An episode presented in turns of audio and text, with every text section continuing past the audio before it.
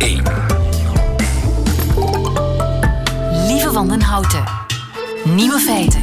Dag, dit is de podcast van Nieuwe Feiten van donderdag 15 februari. Waar we het verder niet gaan hebben over de Queen die gestopt is met drinken uit een plastic bekertje. Ze wil ook geen rietje meer. Sterker nog, ze wil in het hele Buckingham Palace geen plastic meer zien. Zo doet ook de Queen haar best om de enorme plastic afvalberg te verkleinen. De beslissing viel na een gesprek met haar generatiegenoot Sir David Attenborough, die in zijn documentaire Blue Planet pijnlijk laat zien hoe plastic de planeet vervuilt. Dit zijn de nieuwe feiten vandaag. Onze parkeerplaatsen liggen vol lachgascapsules. In een dorp in Noorwegen is het verboden om te sterven. Beroertes zijn meestal vrouwelijk. En de Limburgse bodem zit vol CO2. Geniet ervan. Nieuwe feiten. Stijn Omlets, goedemiddag. Goedemiddag, lieven. Uh, Stijn, jij bent mijn eindredacteur. En jij, uh, er is iets gebeurd. Je hebt iets gevonden. Wat, wat, wat is er gebeurd? Wel, lieven, ik ben een van die gekken die elke ochtend uh, in de file gaat staan tussen Leuven en Brussel op de E40. Ja? En bij de laatste afrit, net voor Brussel, dus aan Rijers, heb je enorme werken. Dus moet, hem, moet je al vaak een half uur aanschuiven. En aan die werken, daar tot mijn grote verwondering lagen daar allemaal van die metalen kleine capsuletjes van ongeveer 5 centimeter groot. En hoeveel lagen daar? Wel, ik denk toch een paar tientallen. En je moet je dat zo voorstellen... Um, Ken je nog van vroeger die levertraancapsuletjes, zo, die glazen levertraancapsuletjes? Ja, ik zie het, ja. Wel, zo, daar lijkt het een beetje op, maar is dan wel in, hard. in metaal. Ja. ja ik, ik, Echt een paar tientallen. Zo, ja, zo klinkt het als je tegen de microfoon tikt. Ze zijn zilverkleurig. Ja, ik denk iets aluminium of zo. Aluminium, en er staat op Keizer of zoiets. Suleiman Akajua, goedemiddag. Ja, goedemiddag. Uh, extra-werker in Antwerpen. Heb je enig idee wat Stijn gevonden heeft? Ja, het zal waarschijnlijk gaan om, uh, om de lachgascapsules. Dat zijn capsules die jongeren uh, vrijblijvend kunnen kopen in grote warenhuizen, in alle winkels. En waar geen legale straf op is. Dus jongeren gebruiken dat om te inhaleren, waardoor ze dan een roes krijgen. En dat wordt vooral ingespoten in een ballon. En heb je zelf ook al veel van die zilveren capsuletjes uh, gevonden? Ja, die zien wij toch dagelijks. Vooral op uh, heel veel plek, plekken waar jongeren samenkomen. Vooral op parkingen, uh, nabij een sporthal of uh, een plek waar, waar, waar de jongeren niet zichtbaar zijn voor de politie of voor ja, de ja, parkeer... of voor familie. Was het een parkeerplaats? Nee, hè, Stijn? Waar je zo nee, het was echt aan de afrit. Aan de afrit, echt gewoon? werken achter een afsluithek. Ah ja, zo, toch een beetje Ja, een verborgen plekje achter een hek zo. Nee, Ja, eigenlijk ja, vrij ja, ze openbaar. Zoeken, ze zoeken plaatsen, nee, ze zoeken plaatsen waar dat ze niet gezien kunnen worden. Hè. Voilà, niet openbaar. Dus Ja. een, een plek waar dat ze werken bezig zijn, is ideale plek voor die jongeren. Oké. En uh, daar reizen dan met de auto naartoe en uh, met z'n allen een, een lachgasfeestje bouwen. Uh, die capsules die zijn eigenlijk vrij te koop. Die zijn vrij te koop in, in vrij veel nachtwinkels, in, in dansings, in, uh, in cafés, uh, in groot warenhuizen. Die zijn overal gewoon te koop. Dat zijn de bekende capsules waarmee men ook thuis gewoon slagroom maakt. Aha, die zijn zo gezegd alleen maar bedoeld om in slagroomspuiten te steken. Van die herbruikbare slagroomspuiten ja. waar je... Ja. Daar dus moet als dat... je die gebruikt, kun je dan slagroom maken. Maar jongeren, die, je moet ook zo'n speciaal fles hebben, waardoor de, zo een capsule genoeg is om één ballon te vullen. Je moet ook nog een ballon kopen. En nu zijn er zelfs plekken waar jongeren over spreken, cafés en dansings, waar ze dat zo gewoon aan tafel kunnen krijgen aan 15 euro. Dus dat is capsule, capsule ballon, alles uh, inbegrepen. En de politie kan eigenlijk niks doen. Momenteel denk ik niet, omdat er, er is geen, geen straf op. Hè. Er is geen wet dat zegt dat dat niet mag. En kennen jongeren de gevaren? Nee, niet helemaal, denk ik. Ik denk dat ze weten wat de gevaren zijn, dan zou het snel ophouden of gaan ze toch wel uh, vragen beginnen, stellen. Want het blijft, blijft een gas dat ze inhaleren. Is, dat is sowieso al niet uh, gezond. En jij als straathoekwerker, heb jij al jongeren gezien die uh, ja, in de problemen zijn gekomen daardoor? Ja, ik heb toch uh, heel veel gemerkt in de buurt waar ik uh, rondliep dat er heel veel lag en heel veel jongeren die ermee bezig waren. Dus ik ben ook altijd vertrouwenspersoon geweest in die buurt. Jongeren deden dat in, in het bijzijn van mij, omdat ze ook weten, ik ben niet degene die hen direct gaat straffen. Ik kan alleen maar inpraten op de jongeren van, pas op, dat zijn de gevaren dat, dat, dat, dat, zich me En wat zijn dan de gevaren? Kan je, kan je... Ja, je raakt, je raakt diep in een roes.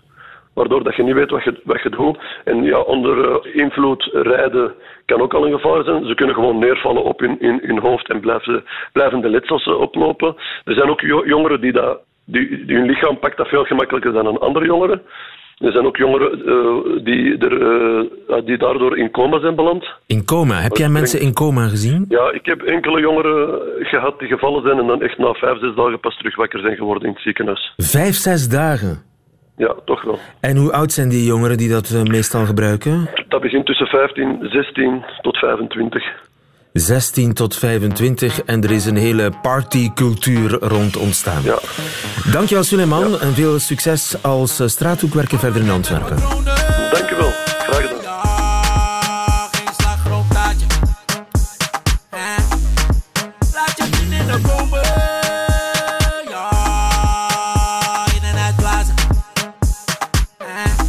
Zelfs uh, muziek bij tegenwoordig. Goedemiddag, professor Tietgat.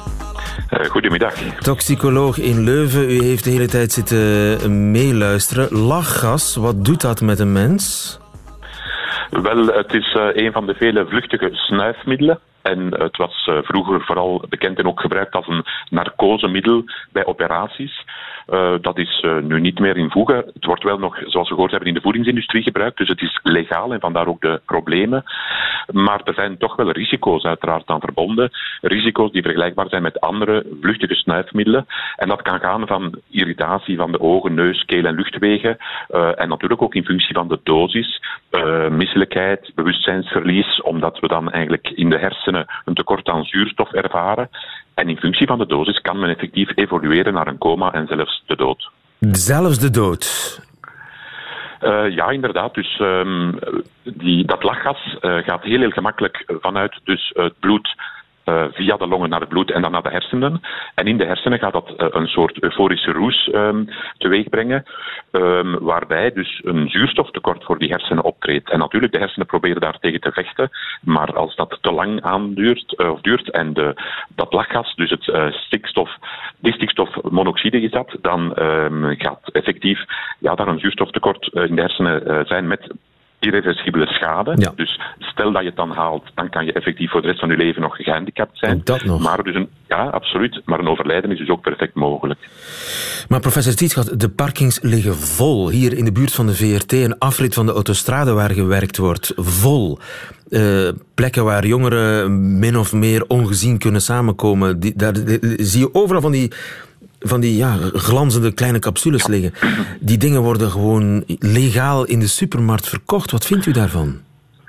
Um, ja, het zijn dus zo van die kleine gaspatroontjes hè, die voor slagroomspuiten gebruikt worden. En ja, er is geen wettelijk kader, het is perfect legaal. Um, voor de wetgever is het natuurlijk ook niet altijd makkelijk om te zeggen, ja, we gaan dat allemaal verbieden, want dan doe je een beetje aan broodroof voor de mensen die dat wel goed willen gebruiken. Nee. Uh, dus het is niet altijd makkelijk. Maar het is wel de verklaring waarom we vooral bij echt heel erg jongeren, uh, dus teenagers noem ik dat, uh, het misbruik van deze snuifmiddelen zien. Ik vermoed dat ze ja, misschien toch nog wat schrik hebben op die jeugdige leeftijd om bijvoorbeeld zwaardere dingen, een echte klassieke drugs, denk aan cocaïne, heroïne enzovoort, te gaan gebruiken. En dan ja, probeert men eigenlijk eerst deze legale middelen. Dus, maar sowieso moeten we daarvoor waarschuwen. En misschien is er toch wel, wat het recreatief gebruik betreft, toch wel een, een ja, een, een, een, noodzaak om, een om te denken aan een reglementering. Ja, er moet iets gebeuren. Bol.com in Nederland is gestopt met de verkoop. misschien dat andere supermarkten of online ketens volgen. Dankjewel, professor Tietgat. Goedemiddag. Nieuwe feiten. Vrouwen krijgen vaker een beroerte dan mannen en ze sterven er ook vaker aan. Professor De Hert, goedemiddag. Goedemiddag. Vera de Hert, neuroloog uh, van het UZ in Gent. Ja, het is een. Amerikaanse studie waaruit blijkt dat uh, een beroerte de derde belangrijkste doodsoorzaak is bij vrouwen in de VS. En dat er jaarlijks ja. meer dan 50.000 meer vrouwen dan mannen een beroerte krijgen. Verbaast u dat?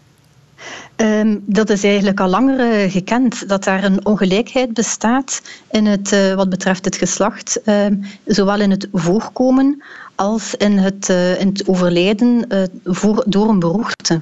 Dus vrouwen krijgen meer een beroerte en als ze erin krijgen, sterven ze er sneller aan dan als mannen een beroerte. Dus twee keer negatief eigenlijk. Ja, absoluut. Laten we bij dat ehm, eerste beginnen. Waarom krijgen vrouwen meer beroertes? Hebben ze zwakkere hersenen? Um, nee, het antwoord is, is uh, niet zo eenvoudig. Uh, in elk geval is het zo dat vrouwen ouder worden gemiddeld dan mannen en dat een van de belangrijkste risicofactoren voor het krijgen van een beroerte de leeftijd is. Um, dus dat is in elk geval al een, een voor de hand liggende verklaring waarom vrouwen meer beroertes krijgen dan mannen. Ja. En, en nog um, een verklaring? Ja, wel, er zijn, um, blijkbaar um, is er een ongelijkheid op ongeveer alle vlakken van uh, zowel uh, bij het begin het herkennen van een beroerte als het naar het ziekenhuis gaan op tijd, um, als de toegang tot de gezondheidszorg. en dat gaat verder in de aanpak van een beroerte bij vrouwen. Uh, en uit zichzelf in een verschil tussen de behandeling van een beroerte en de preventie ervan. Ja, dus in feite is die dus ongelijkheid... dus vrouwen gaan minder snel naar het ziekenhuis dan mannen als ze iets raars voelen? Ja, dat zou ook een van de factoren zijn die kunnen meespelen waarom vrouwen ook vaker een meer ernstige beroerte hebben of in elk geval meer uh, invaliditeit ook aan overhouden. Um, blijkbaar herkennen vrouwen symptomen wel, in feite beter dan mannen. Ze zijn beter op de hoogte van uh, welke symptomen er op een beroerte kunnen wijzen. Maar toch zouden ze minder snel bijvoorbeeld de ziekenwagen bellen. Omdat ze ja, sterker zijn dan mannen? Ja, of zichzelf, dat, of, denk... of koppiger, trotser? Ja, of dat, dat, ligt, dat is natuurlijk een complexe interactie van socio-economische factoren of verklaringen uh, waar dat je dan naar op zoek moet, moet gaan. Inderdaad, ja, de, de plaats van de vrouw in de maatschappij. Um, het feit dat ze in, zelf inschat dat het misschien wat minder ernstiger zou kunnen zijn. Um, of dat ze, ja, welke factoren er dan precies ertoe, de aanleiding toe geven dat de vrouwen dan net iets minder vaak de ziekenwagen bellen, dat is niet zo heel duidelijk. En uh, werkt de medicatie even goed bij mannen als bij vrouwen? Um, het is zo dat um, in feite de uh, medicatie, die dus is, uh, waarvan de werking is aangetoond in klinische studies, daar is er ook een ongelijkheid. Het is te zeggen dat in klinische studies er een onderrepresentatie is van vrouwen. Um, dus in tegenstelling tot het voorkomen van een beroerte, die in feite wat meer voorkomt bij vrouwen, um, is er in klinische studies met medicatie die bijvoorbeeld in de preventie belangrijk zijn voor een beroerte, zien we in feite ook een onderrepresentatie van vrouwen. Dus die resultaten van die klinische studies zijn daarom niet per se uh, extrapoleerbaar naar uh, de vrouwelijke populatie. Want er zijn nu eenmaal verschillen tussen mannen en vrouwen. Beroerte ja. is uh, iets vrouwelijks. Is er iets aan de levensstijl van vrouwen dat, dat misschien ja, beroertes mm -hmm. bevordert? Um, ja, wel, absoluut. Er zijn dus een aantal. Wat dat er ook gezien wordt, is dat het, het voorkomen van uh, beroerte in de westerse wereld gaat in feite wel wat in dalende lijn. Uh, de laatste jaren in vergelijking met de de jaren 90 um, ehm, is er een duidelijke daling van het voorkomen van beroertes. Um, en een van de mogelijke verklaringen is natuurlijk de gezondheidspreventie en de maatregelen, uh, minder roken, betere controle van bloeddruk enzovoort, die daar uh, het effect op hebben. Nu, het is wel zo dat dat risico blijkbaar bij vrouwen niet even sterk daalt als bij mannen. Dus er zijn daar een aantal um, meer hardnekkige factoren die bij vrouwen dus blijven bestaan en die dus minder impact hebben, um, zodanig dat het risico van een beroerte minder snel daalt. Ja, ja, en we hebben geen idee wat die factoren kunnen zijn. We hebben daar wel een idee van. Dus er zijn een aantal gekende risicofactoren voor uh, cardiovasculaire aandoeningen, waaronder ook uh, dus de beroertes. Uh, bijvoorbeeld hoge bloeddruk, uh, voorkamerfibrillatie, suikerziekte. En er is daar ook een geslachtsverschil in ah, die ja. factoren.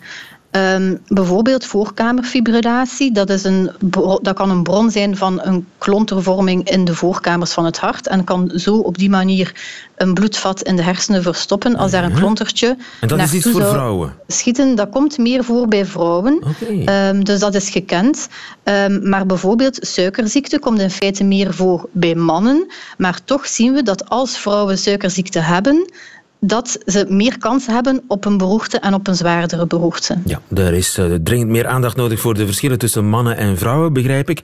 En wat ik ook begrijp is bij de minste twijfel, bij de eerste tekenen, mogelijke tekenen van een beroerte, snel, snel naar het ziekenhuis, want dan is er nog iets aan te doen. Dankjewel, ja. Vera de Hert van de Stroke Unit in het UZ in Gent over de beroertes die vaak vrouwelijk zijn. Nieuwe feiten. Er staat een gigantische CO2-bom op ontploffen in Limburg. Wouter van Muizen, goedemiddag. Goedemiddag. Projectleider bij de Vlaamse Landmaatschappij. Niet letterlijk natuurlijk, geen paniek. Uh, er gaat geen bom ontploffen, maar er zit wel heel veel CO2 in de grond in Limburg. Waar zit die CO2? Ja, die zit in de vallei van de Zwarte Beek. De vallei van de Zwarte Beek.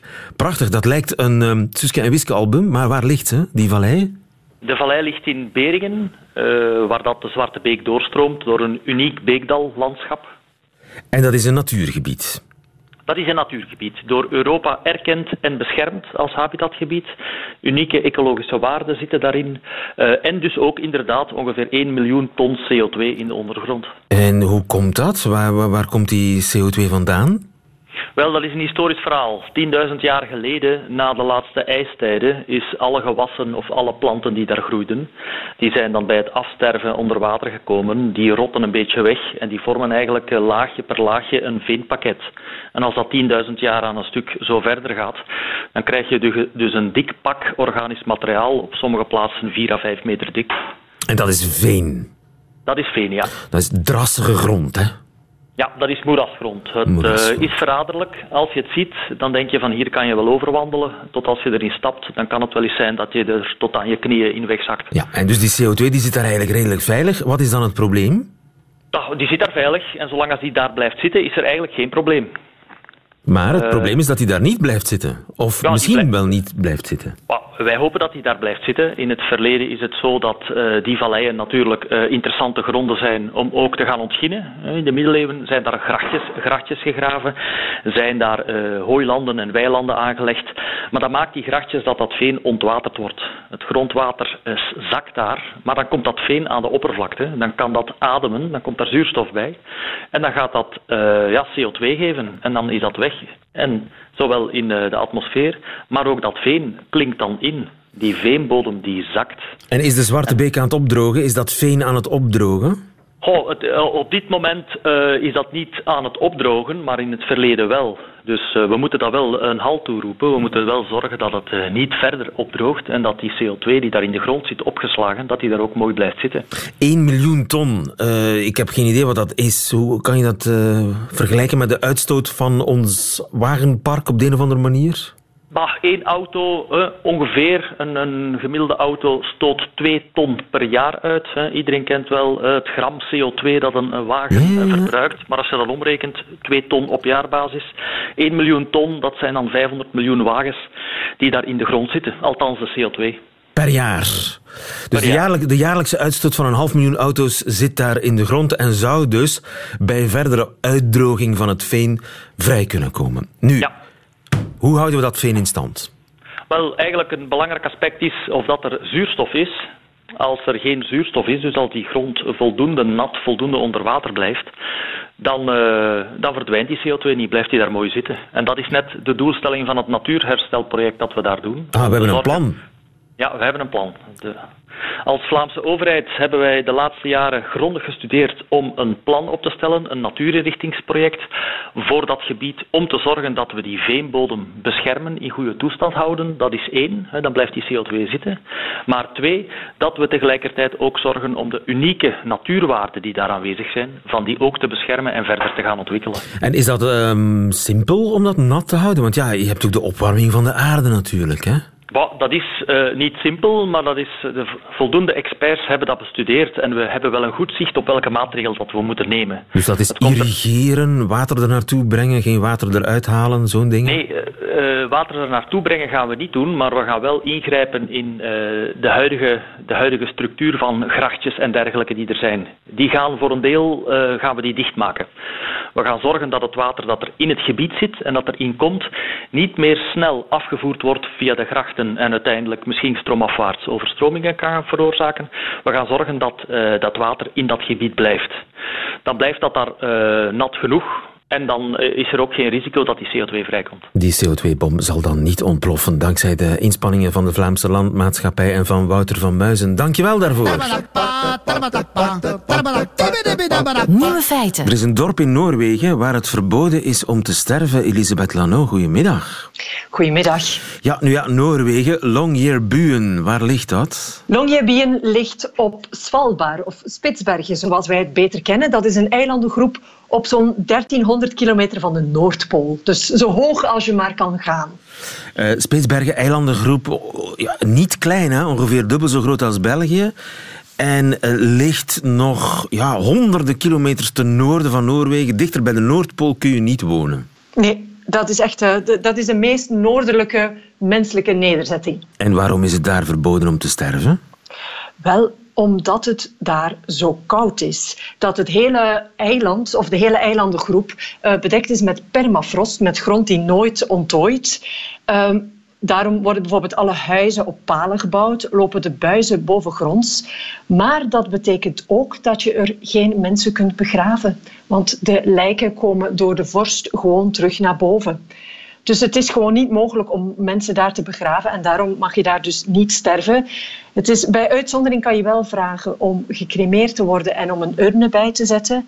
Maar daar maken maar weinigen gebruik van. Ja, want er is neem ik aan geen crematorium op Spitsbergen. Nee, dat is er niet. Dat is er niet. En dus het gaat zelfs nog verder. Mensen die, uh, die, uh, pen, uh, die zich pensioneren, die met pensioen gaan, die worden verzocht om het eiland te verlaten. Dus het is, het is vooral een, een heel jonge bevolking die daar woont. Um, wie oud wordt en daar toch wil blijven wonen, moet verzekeren dat, dat hij of zij voor zichzelf kan zorgen. Ja, ja. Dus het is eigenlijk ook verboden om op pensioen te gaan. Um, je wordt verzocht om het eiland te verlaten. En wat de reden is, is dat er eigenlijk geen geld en capaciteit is om een ziekenhuis te bemannen op, um, op, um, in Longyearbyen, op uh, Spitsbergen. Er is enkel een soort van beperkte huisartsenpost. Dus zieke mensen en ouderen die dan ook vaker ziek worden, worden met uh, helikopters naar het vasteland gebracht of worden verzocht om effectief te verhuizen. Zelfs ook vrouwen die moeten bevallen, die worden verzocht om drie weken voor de bevalling naar het vasteland te gaan. Zeg maar, heb je daar eigenlijk wel een lokale bevolking, families die uh, vele generaties op het eiland blijven?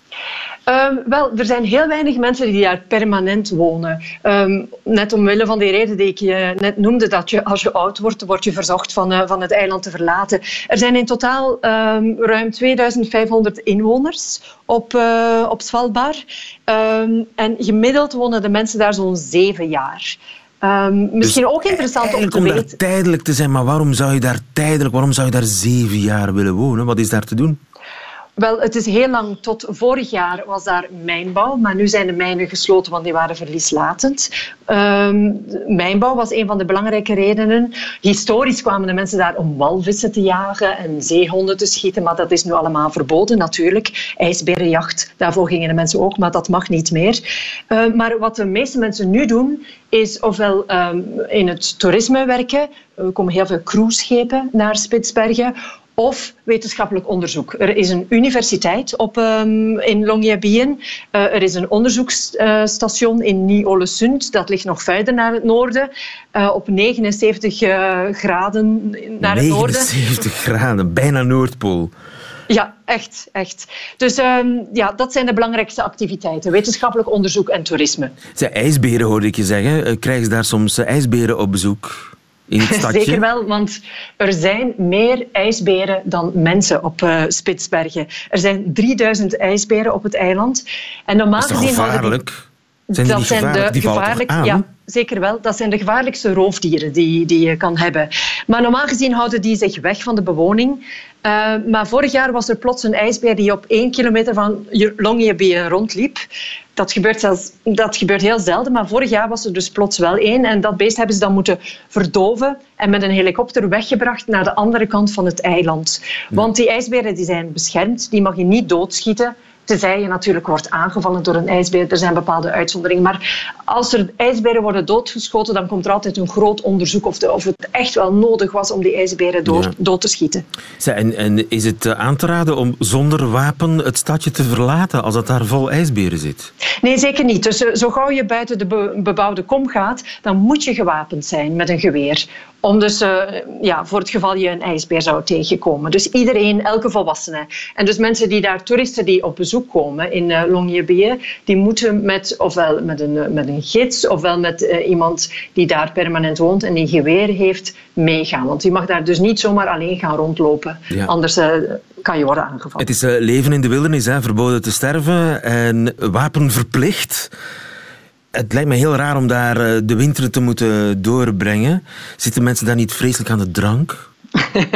uh, ja, jawel, er wordt heel veel gedronken op, uh, op uh, Svalbard. En wat ertoe bijdraagt is dat ehm, alcohol is ook goedkoper dan op het vasteland. Je kan daar taxvrij, taxvrij alcohol kopen, btw-vrij alcohol kopen. En daarom is er dus bijvoorbeeld een alcoholquotum ingevoerd voor de mensen die daar vast wonen. je kan elke maand twee flessen sterke drank kopen en 24 blikjes bier. Dus het is beperkt wat je kan kopen, maar je kan natuurlijk altijd op café gaan en je ladderzat drinken. Ja, want het is daar hoe lang donker in de winter? Hoeveel maanden blijft het aarde donker? Het is vier maanden per jaar donker en echt twee maanden, maanden en een half zie je absoluut geen verschil tussen dag en nacht. Maar dat is naar het schijnt een hele leuke periode in Longyearbyen. Ik ben benieuwd, ik heb een vriendin die nu naar daar zal verhuizen. Ik ben al benieuwd naar de, naar de verhalen. Maar dus tijdens die donkere, in die donkere periode zijn de mensen in Longyearbyen naar het schijnt heel erg sociaal. Er, wordt heel veel, er zijn heel veel theatervoorstellingen. De mensen komen samen, uh, vertellen elkaar verhalen. Het is een heel, een heel boeiend sociaal leven in die donkere periode. Maar verder ja, gaat het leven gewoon door. Er, zijn daar scholen, um, kleuterscholen. Um, dus die kinderen gaan gewoon naar school in het donker. Um, de kinderen spelen nog altijd buiten, want het is tenslotte Noorwegen. Kinderen moeten buiten spelen, ook al is het donker, is het bar koud. De mensen leven eigenlijk gewoon verder. Gezelligheid op de Noordpool in de winter in Longyearbyen, waar het verboden is te sterven. Dankjewel, Elisabeth Lano, voor ons in Noorwegen. Goedemiddag. Feiten. De ogen zijn kennelijk niet alleen de spiegels van de ziel, maar ook van de gezondheid. Ruben Hemelings, goedemiddag. Goedemiddag. Doctoraatstudent en uh, jij werkt ook aan een machine die aan mijn ogen zou moeten kunnen zien welke ziekte ik heb. Klopt dat? Uh, klopt, gedeeltelijk. Ik werk uh, hoofdzakelijk op de oogziekte glaucoom op dit ogenblik. Maar, ik je zou eigenlijk in theorie nog andere ziektes moeten kunnen opsporen via mijn oogballen. Ja, inderdaad. Er zijn al sinds enkele decennia linken vastgesteld tussen ziektes zoals uh, hart- en vaatziekten uh, of uh, neurologische ziekten die je via je netvlies zou kunnen ontdekken. Neurologische ziekten als daar zijn Alzheimer? ja, daar is nu onderzoek naar aan het lopen. Ze hebben in eerste stap wel al enkele kleine aanpassingen kunnen vaststellen, maar zijn dus nu nog meer onderzoek aan het doen. En wat doen die ziektes met mijn oog? Wel, in het netvlies uh, kan je de allerkleinste bloedvaten in je lichaam vinden. En dit kan aan een heel goedkope kost, omdat je gewoon een foto kan maken die voor je oog wordt gesteld. Dus het netvlies, uh, het gaat niet om het wit van mijn ogen, het is echt het nee. netvlies zelf? Ja, dat klopt. Dat klopt. Uh, dus wij als mens zien dat natuurlijk niet. Maar als je een camera voor je oog plaatst, dat licht uh, dat dan in je oog terechtkomt, kan ervoor zorgen dat je dan een foto kan maken. En die technologie bestaat al 50 jaar. En dus daarom is het netvlies zo interessant, omdat uh, dat de enige plek is in ons lichaam waar dat we bloedvaten kunnen zien zonder invasieve methoden zoals ja, operatie te gaan uh, gebruiken. Oh ja, dus in mijn netvlies heb ik nooit bij stilgestaan, lopen bloedvaatjes. Ja, ja, inderdaad. Die zorgen ervoor dat je kan zien. Want natuurlijk hebben die receptoren in je netvlies ook zuurstof nodig, die dat via bloed worden aangereikt. Oké, natuurlijk. Ja. En jij bent bezig met glaucoom, dat is een soort staar, hè, denk ik? Dat is ook een oogziekte, hè? Ja, ja inderdaad. dat is een ziekte die vooral bij oudere mensen voorvalt. En uh, ja, door de begrijzing, door de toenemende begrijzing wordt die ziekte alleen maar belangrijker om, uh, voor, allez, om preventief op te sporen. Ja. Want het, het is namelijk zo dat wanneer je de ziekte hebt ontdekt, dan kan je die stopzetten. Maar alles wat aan zicht al is verloren, dat kan je niet terug dat is het eh, definitief. Dus uh, het is zeer cruciaal om de ziekte in een heel vroeg stadium op te sporen. En daar ben jij mee bezig om hele kleine veranderingen in dat netvlies al ja, op te sporen. Ja, dat klopt. Dat klopt. En met uh, slimme dus, software, hoe gaat dat? Ja, het is namelijk zo dat uh, de artificiële intelligentie in de medische wereld heel wat stappen heeft geboekt in de laatste jaren. En dat komt dan voornamelijk doordat er zoveel data uh, is vrijgekomen en daarnaast ook veel computing power, dus de kracht, de rekenkracht. Um, dus de computer herkent patronen die niemand anders, die een gewone, die een professor niet herkent. Nee, inderdaad. Dus hoe dat ze momenteel glaucoom opsporen, is vooral door naar een 3D-beeld te gaan kijken, dat dan duurder is. Maar wij werken dan met 2D-beelden, dat, uh, dat dezelfde patronen kan herkennen. Uh, maar ja, aan een goedkopere kost. En het is artificiële intelligentie, intelligentie deep learning, dus de computer ja. uh, leert zichzelf van alles. Um, ja. ja, het is nog altijd supervised, dus wij leren nog altijd wat. Nee, wij zeggen nog altijd wat hij moet leren, maar daarna kan hij wel autonoom werken. Ja, en nu dus is de computer vooral bezig om glaucoompatronen te ont, uh, ontdekken ja. Ja. In, in verschillende ja, foto's, zal ik maar zeggen, van netvliezen. Maar eh, in de toekomst zou dat voor een heleboel andere ziektes ook kunnen. En dan kun je op een heel simpele manier hele ja, ingrijpende, belangrijke ziekten heel vroeg opsporen. Dat is het idee. Ja, dat is uh, het grote idee. Dus Gaat het lukken, uh, Ruben? Ja, goede vraag. Uh, ik ben ervan overtuigd. en wanneer? Nog... Wanneer? ja, dat is ook moeilijk om er een datum wil te plakken. Maar uh, er zijn al demo's aan het lopen. En, uh, het was dus heel concreet. Wel, ja, binnen de twee jaar zou er toch al product op de markt moeten zijn dat echt wel al oogziekte kan opsporen. En dan, wie weet, binnen enkele jaren later dat er dan ook uh, iets voor Alzheimer zou ontstaan. Ja. Ruben Heemlings, mag ik jou heel veel succes wensen. Goedemiddag, dankjewel. Dankjewel. Nieuwe feiten. Middagjournaal. Dit jaar is het 200 jaar geleden dat Frankenstein voor het eerst verscheen, de klassieker van Mary Wollstonecraft Godwin Shelley. Ik was 18 toen ik de roman voor het eerst las. Mary Shelley was 18 toen ze hem begon te schrijven. Ze bracht de zomer door met haar man Percy Bysshe Shelley en met Lord Byron, die op het idee kwam om elk een gothic story te verzinnen. De mannen liepen zichzelf vast in hun ideeën en Mary kon aanvankelijk nergens opkomen. Tot het verhaal van Dr. Frankenstein en zijn monster op één nacht in één geut tot haar kwam. In haar inleiding bij een heruitgave van de roman in 1831 beschrijft ze dat moment als een wakkere droom. Ja, het was nacht, ze lag in bed en haar ogen waren gesloten, maar ze sliep niet. Een dagdroom was het evenmin, daarvoor waren de beelden die ze voor zich zag veel te levendig. Ze denderden haar hoofd in, waarna ze doodsbang haar ogen opende. Dit was het. Dit was haar taak. Het verhaal dat ze had gekregen en de angst die het bij haar teweeg had gebracht, moest ze enkel nog overbrengen op de lezer. Ik heb zelf steeds het gevoel gehad dat wat ik schrijf al bestaat, dat het wakkere dromen zijn van dromers uit een parallele wereld misschien, die om een of andere reden tot mij komen. En dat het mijn taak is ze zo juist mogelijk over te brengen. Ik voel wanneer ik het juist doe en wanneer niet. Dat hield ik allemaal lange tijd voor mezelf. Ten slotte ben ik een vrouwelijke kunstenaar die worden wat sneller gek verklaart. Maar sinds ik heb ontdekt dat nogal wat groten uit de wereldliteratuur, Céline en Borges op kop, het precies zo ervoeren en hebben verwoord, ben ik wat minder bang voor een gedwongen opname. En ook Mary Shelley kreeg dus een dergelijke droom toegezonden, Een gebeurtenis waarvoor we het mysterie twee eeuwen later nog dankbaar zijn. Ik zou het overigens wel appreciëren als mij een deze nog eens zo'n wakende droom wordt gestuurd.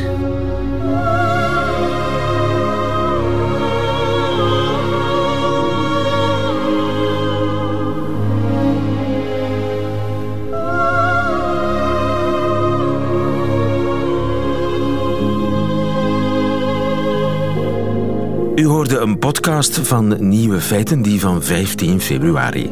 Andere podcasts vindt u op radio1.be of op de gebruikelijke podcastkanalen.